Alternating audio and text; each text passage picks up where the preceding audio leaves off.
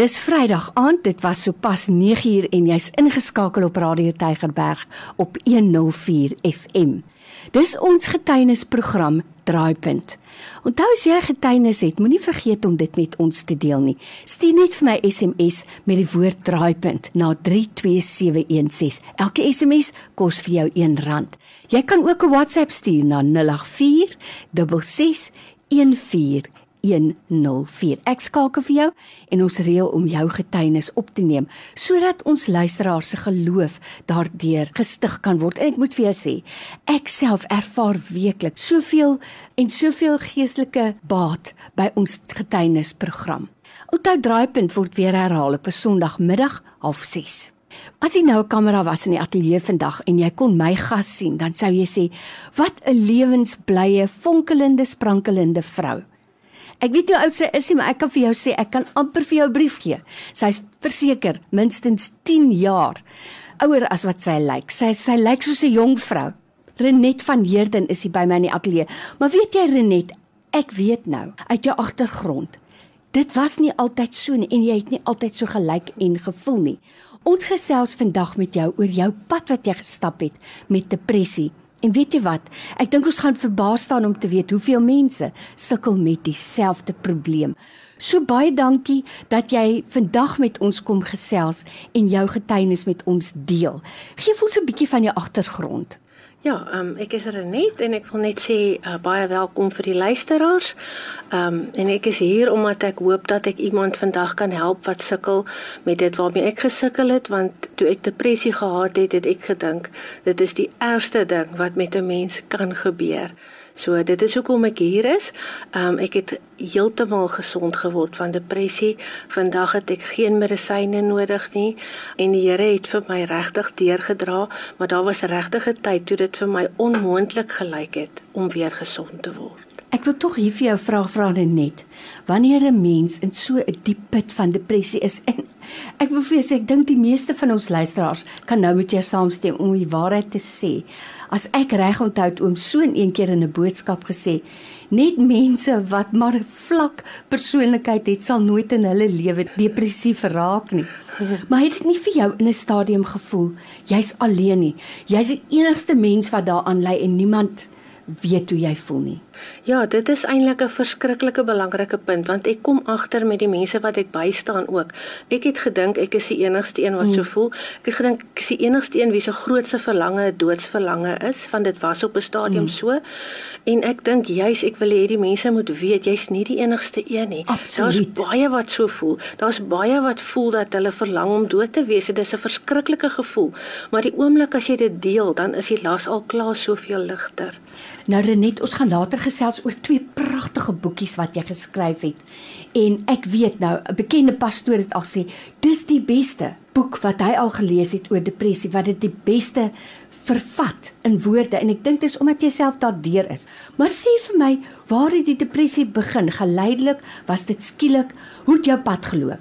Ek sal sê vir my was depressie verlies te groot, maar ek dink tog dit het geleidelik aangekom want hier in my jong dae hier rondom 19 het ek my eerste knak gehad.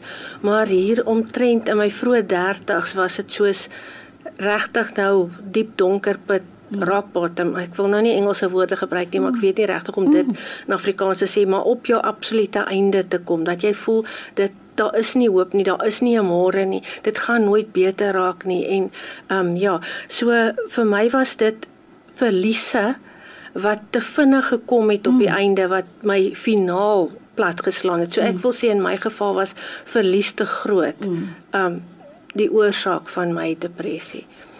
Renet, nou wanneer 'n mens praat oor depressie, dan moet 'n mens ook besef nê, nee, dit raak ook die mense om jou. So, hoe het dit jou alledaagse lewe geraak? Jou opstaan en eet, jou leef saam met die mense in jou huis, jou finansies. Gee vir ons 'n algemene gevoel want ek dink mense sal kan vereensgewig daarmee. Mense wat nou na ons luister en dink, nee wat, sê dit anders gehad as ek. Vertel ons. Ja, dit raak jou in elke opsig van jou lewe. Vandat jy die oggend opstaan en wakker word, voel jy te klein en te hopeloos. Jy voel jou nie in staat vir die eise van die van die dag nie. Um deur die genade het ek was ek 'n kind van die Here toe ek siek geword het mm. en het ek aan hom vasgehou ja. en het hy myself in die donkerste tye kon deurdra dat ek vir myself kan sê ek is tot alles in staat deur Jesus Christus mm. wat my die krag gee. Mm. Um dit raak jou huwelik, dit raak jou verhoudinge. Daar was soos 'n tier in my. Ek het ek het met aggressie ontbrand teenoor almal dan die een oomblik is ek aggressief, die een oomblik heilerig. Um dit is asof jy nie beheer het van jou eie siel nie. So ja, dit raak jou in in elke area van jou wese. Nou wat vir my absoluut wonderlik is, my gas in die ateljee vandag is Renet van Heerden. Is hoe pragtig jy jou kan uitdruk. So, dis lankal tyd gewees dat jy moes skryf in elk geval. Ons gaan net nou praat oor die boeke wat jy geskryf het.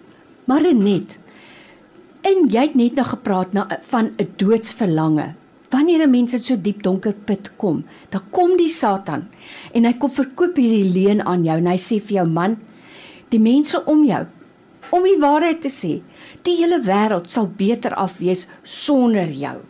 Het jy ooit daai gevoel gehad? Ja, ek skryf ook daaroor want dit is vir my verskriklik belangrik dat nie net die mense wat so voel nie, soos die mense wat wat voel dit is hulle grootste verlange, voel verskriklik eensaam.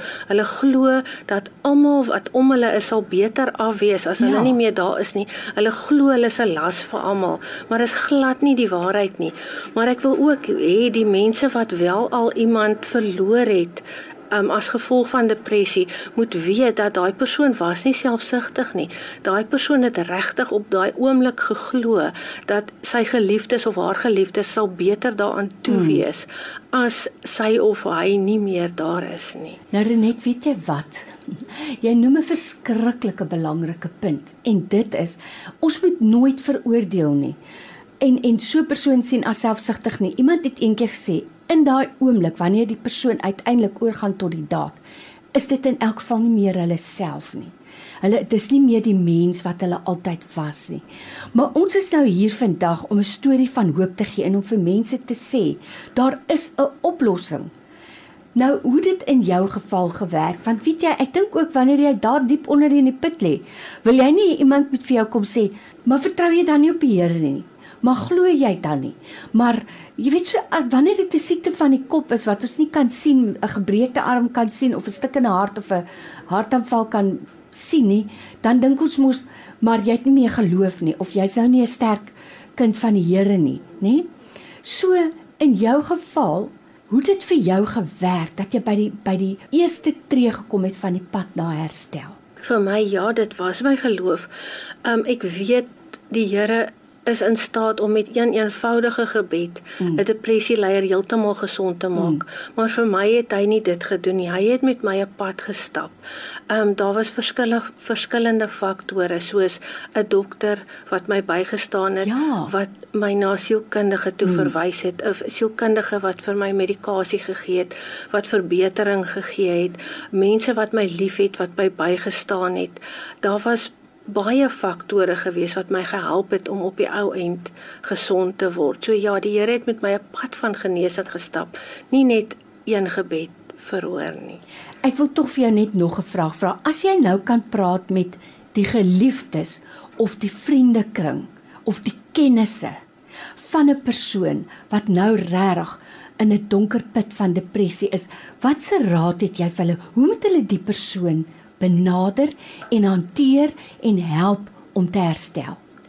Ek dink dit help as hulle dink daaraan dat sê nou maar jy het 'n been gebreek, dan kan jy nie reg en normaal loop nie daai persoon se brein is aangetast. Sy mm. brein is nie gesond nie. Mm. So hy kan nie soos 'n normale gesonde mens funksioneer nie. Ek dink as hulle dit verstaan en nie normale verwagtinge van daardie persoon koester nie, maar besef daai persoon het meer ondersteuning, meer onvoorwaardelike liefde nodig. Ek dink onvoorwaardelike liefde is eintlik regtig die antwoord wat jy vir so 'n persoon kan gee. My gas in die ateljee vandag is Renet van Heerden.